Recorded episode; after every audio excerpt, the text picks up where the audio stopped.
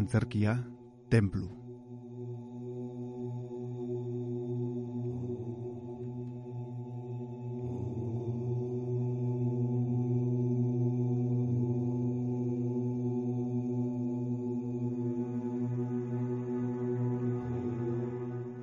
Behin, aioka antzerki taldeak, bulexa poeta Sufiari buruzko antzeslan bat eman ondoren, gizon zahar bat etorri zen Sufi handiarena jokatutako aktorearen gara, aur bat eskutik zuela, eta esan zion.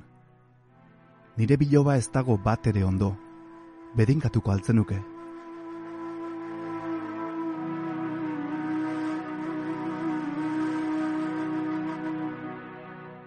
Aktorea harri eta zur geratu zen. Ni ez naiz bulexa. Haren rola jokatu duen aktore bat naiz.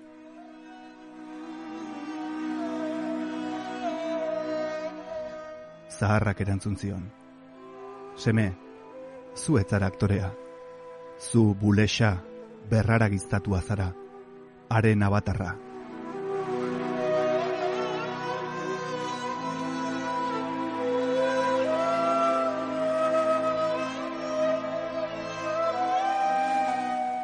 Bapatean, antzerki kontzeptu guztiz berri bat agertu zitzaigun.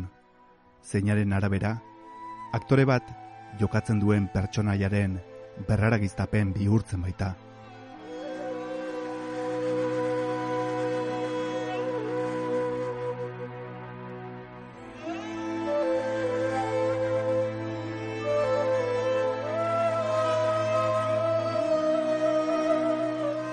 Bule xarena bezalako historiak arakatzea, horrelako historiak kultura guztietan baitaude. Zubik isa erabil daiteke, gu antzerki sortzaileon eta ikusentzule ez aditu baina oso zaleen artean.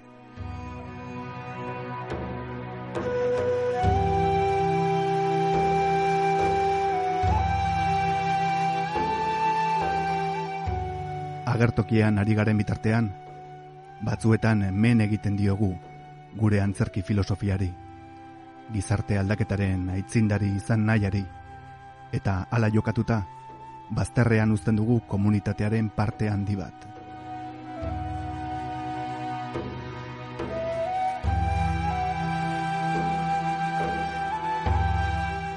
Orainaren desafioekiko konpromisoari eutsi nahian, uko egiten diogu esperientzia espiritual sakon eta unkigarriak izateko aukerari, eta antzerkia gai da alakorik emateko.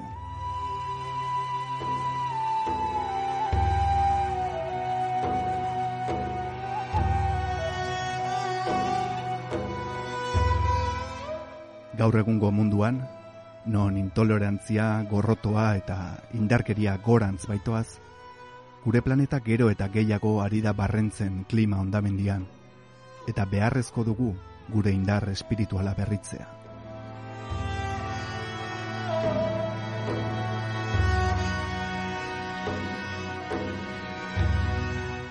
Beharrezko dugu borrokatzea apatiaren, lozorroaren, ezkortasunaren, dirugosearen eta bizigaren planeta honekiko mespretsuaren kontra.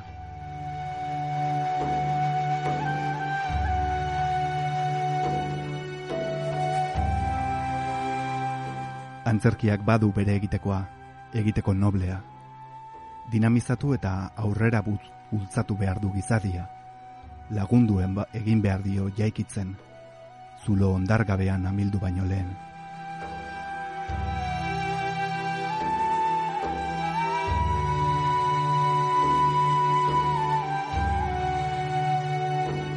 Antzerkiak templu bihur dezake agertokia, zerbait sakratu bihur dezake jokagunea.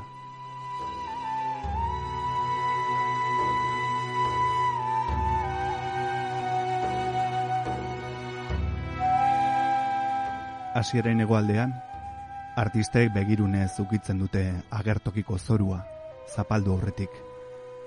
Antzinako tradizioa da, aldardi espirituala eta kulturala bat eginda zeuden garaietakoa.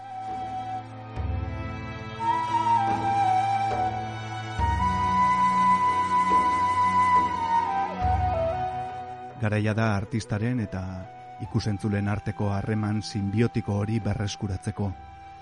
iraganaren eta etorkizunaren artekoa.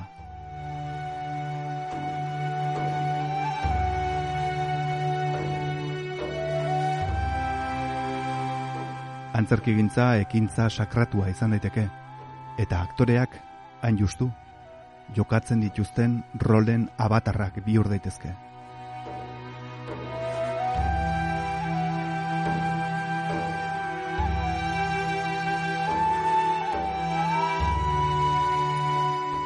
Antzerkiak estena santutegi bihurtzeko ahal eraldatzailea du, eta santutegi hori jokagune bihurtzeko.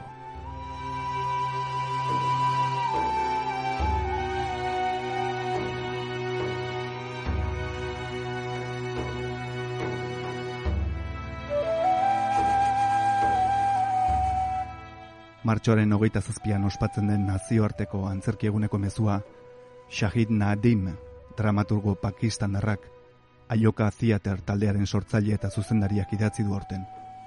Itzulpena, Iñaki Inurritarena da.